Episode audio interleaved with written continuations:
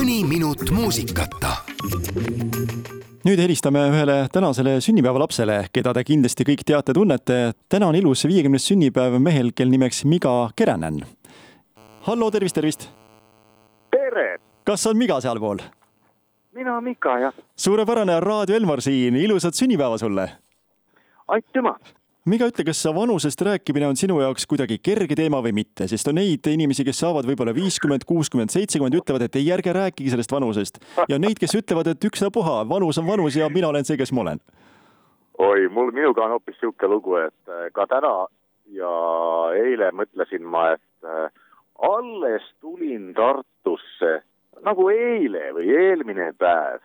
ja sellest on ikkagi kolmkümmend aastat, sest mu tütrel oli eile sünnipäev kolmkümmend aastat, kui tema sündis, kolmkümmend, varem tulin ma Tartusse juba.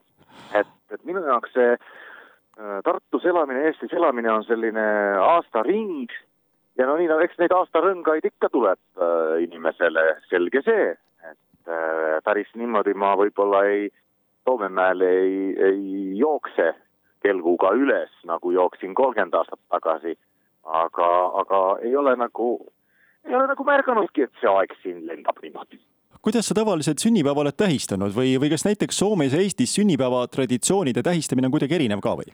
no eks ikka on erinev selles mõttes, et tohutu pidu on Eestis ikkagi see sünnipäev, et ega miks mitte ja ma delegeerisin niimoodi oma tütardele, et mina Soome kombe kohaselt sedasi nagu ei, ei, ei eriti ei tähistagi.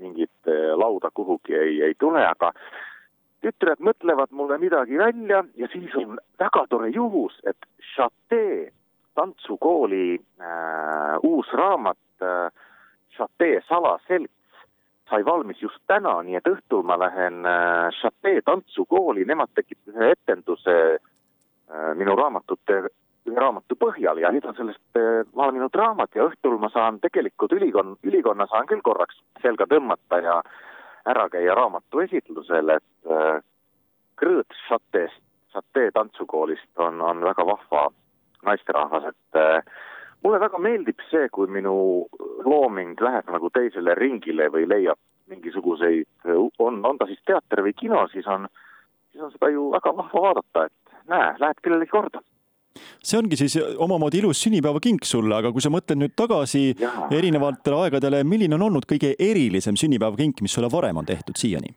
no minu kõige erilisem sünnipäevakingitus on ikkagi see, et mu esimene tütar sündis kahekümne kolmandal novembril tuhat üheksasada üheksakümmend neli.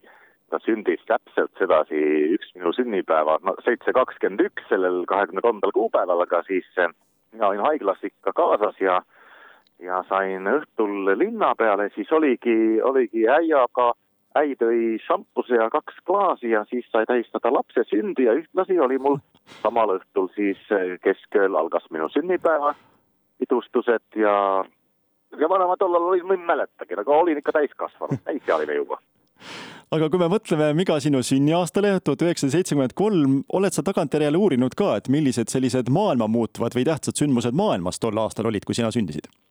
Minu jaoks on väga oluline see, et tollal tehti esimene James Bond, kus James Bondi kehastas äh, äh Roger Moore, nagu soomepäraselt öeldakse, live and let die, ela ja lase teistel surra. kindlasti juhtus sellel aastal muid asju ka. minu meelest Žigulle, millega ma õppisin sõitma, neid hakati tegema äkki juba seitsekümmend kaks, kuigi ma võin ka eksida, aga aga see Žigul, millega ma õppisin sõitma Eestis, äia oma, see oli küll, aastakäik oli seitsekümmend neli, mäletan väga täpselt. ma uurisin järele, et ka Sydney ooperiteater avati tuhande üheksasaja seitsmekümne kolmandal aastal, kas sa seda paika oled ise ka külastanud? no kus ma nüüd sinna lähen, ei ole veel kohalikud eestlased Austraalias, ei ole tulnud selle peale, et kutsume Miga külla, et äh, kirjanik läheb sinna, kus teda on vaja, et mul on rõõm, et ma olen saanud käia Amsterdamis ja äh, Kesk-Euroopas. äh, mõnes äh, kohas, kus on äh, tublid väliseestlased. aga jah, kutsuge mind Austraaliasse, siis lähme ooperisse ka.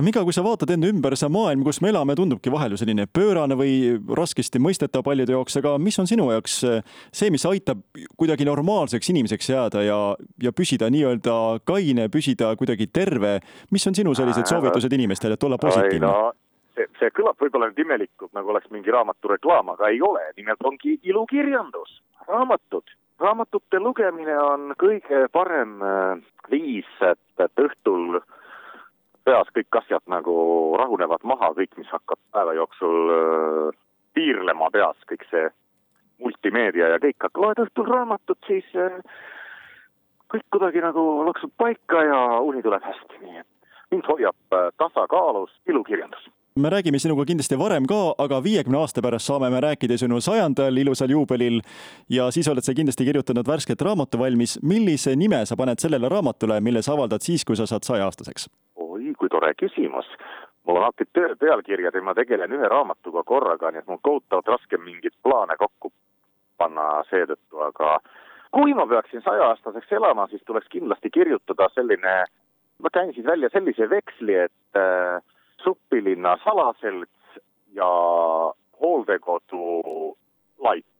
nüüd on aeg juba, et lapsed Suppilinna detek-, noordetektiivid äh, hakkavad lahendama juba mõrvalugusid, see asi nii kaugel on, et sellise veksli võin ma välja käia küll.